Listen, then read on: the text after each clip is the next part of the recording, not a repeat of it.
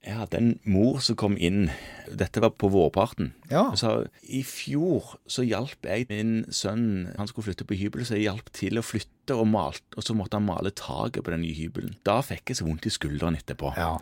Og dette er jo over et halvt år siden, Ja. og så har jeg liksom blitt gående sånn at den skulderen har ikke blitt god, og nå er den helt stiv, og jeg får liksom ikke brukt den skulderen, han bare er der til besvær. Ja. Heldigvis så er det på venstre side, og jeg er høyrehendt. Jeg klarer meg gjennom hverdagen, men nå er han helt sånn at jeg får liksom ikke beveget han nesten ut av kroppen engang.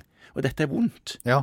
Kan du sette en sprøyte? Det har jeg hørt andre har gjort. Sett sprøyte sånn at det blir bra igjen, sa hun. ja. Gjorde du det?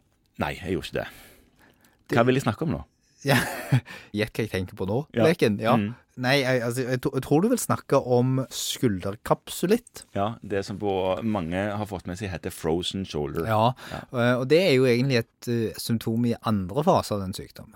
Ja, for det begynner med en, en slags overbelastning og en Ja, det er litt sånn multifaktorelt, som jeg pleier å si når vi ikke har peiling, eh, Ja. p- p- hva det er som utløser det. Eh, men man får en betennelsestilstand i skulderkapselen. Ja, synovitt og kapsulitt. Og det kan godt utløses av en eller annen overbelastning, men det trenger ikke det. Det kan bare komme òg. Ja. Ja. Eh, og det de da angir, er jo som oftest smerter, særlig ved utad rotasjon- rotasjon i skulderen Ja, for det drar ordentlig på kapselen. det drar ordentlig på kapselen. Mm. Så det begynner ofte der, og og er mest utpreget den veien. Og etter hvert så er det sånn at du får en smerte ved bevegelse i alle retninger. Det jeg husker at jeg lærte på studiet en gang, det må du òg ha lært da, det er at eh, kapselen i skulderen er kjempegod på å skrumpe. Ja, den er utrolig god på det. Hvis du da gjør vondt i skulderen, så vil de fleste da tenke at ja, da tar vi noe sånn betennelsesstempler, smertestillende, Mhm. og så kjører vi på. Eh, Og så eh, går man kanskje til en eller annen fysioterapeut eller en eller annen annen behandler og får et treningsopplegg. Mhm. Og veldig mange av de er flinke og innser ganske fort at dette stemmer jo ikke. Nei. Men hvis man ikke kommer ut for en som oppdager det, så kan man bli gående der og trene ganske lenge, og det blir bare vondere og vondere og vondere. Og en del av de kommer rett og slett fordi de i denne smertefasen, som er den første fasen av en kapsulitt, rett og slett mister nattesøvnen. Du klarer ikke å ligge på den siden, og Ja, det er men kan de vondt, snur seg, så altså. blir- ja, våkner Ja. de opp. Og, mm. Vondt når man beveger seg og, og greier, og må ha ganske sterke smertestillende. Men første fase, sier du, skal du bare vente på det? Skal du, hva skal du gjøre med dette, da? Smertene? Du skal vente, ja.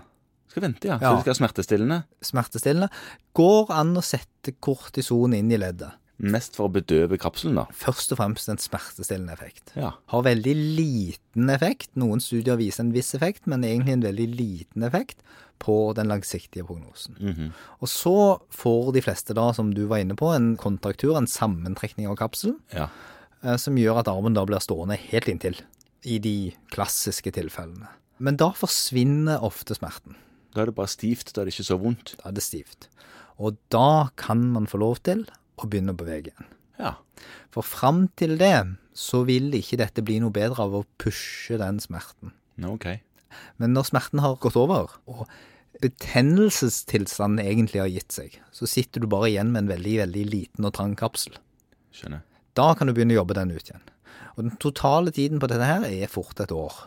Et år, ja. Ja, da kan de få lov til å gå til fysioterapeut igjen. Mm. Men de begynner å gjøre forsiktige øvelser. Men de må ikke gjøre for mye av det. For da flammer det opp igjen. Da kan det flamme opp igjen. Aha. Sånn at da må du være strukturert i treningen din og trene deg gradvis opp. Dette er ikke så uvanlig, dette. Nei, det er ganske vanlig, altså. Det er, det er en sånn typisk sånn sykdom for middelaldrende. Folk i sin beste alder. Ja. Sånn fra 40-årsalderen og oppover. Ja. Relativt eh, jevnt fordelt. Litt hyppigere hos kvinner. Kanskje 2 av befolkningen. ja, så det er såpass, ja. Det er ganske vanlig, altså. Det som er det positive med det, er at du kan si til disse pasientene at du vil bli god. Ja, det er jo et godt budskap å kunne gi. Ja. Det kommer til å ta tid. Ca. to kilo med tålmodighet på blå resept, Ja. og så vil dette ordne seg. Ja. Det går altså an- an å få det på begge sider samtidig. Det er litt kjelkete. ja, det er klart, da blir det jo ganske invalidisert. Ja, og, og det er klart at en del av disse m- må jo sykemeldes særlig i smertefasen. Ja, Spesielt hvis du snekker. Ja, men òg etterpå, hvis man har et yrke der det er, som er lite forenlig med å ha armer som går tett inn til siden. Ja.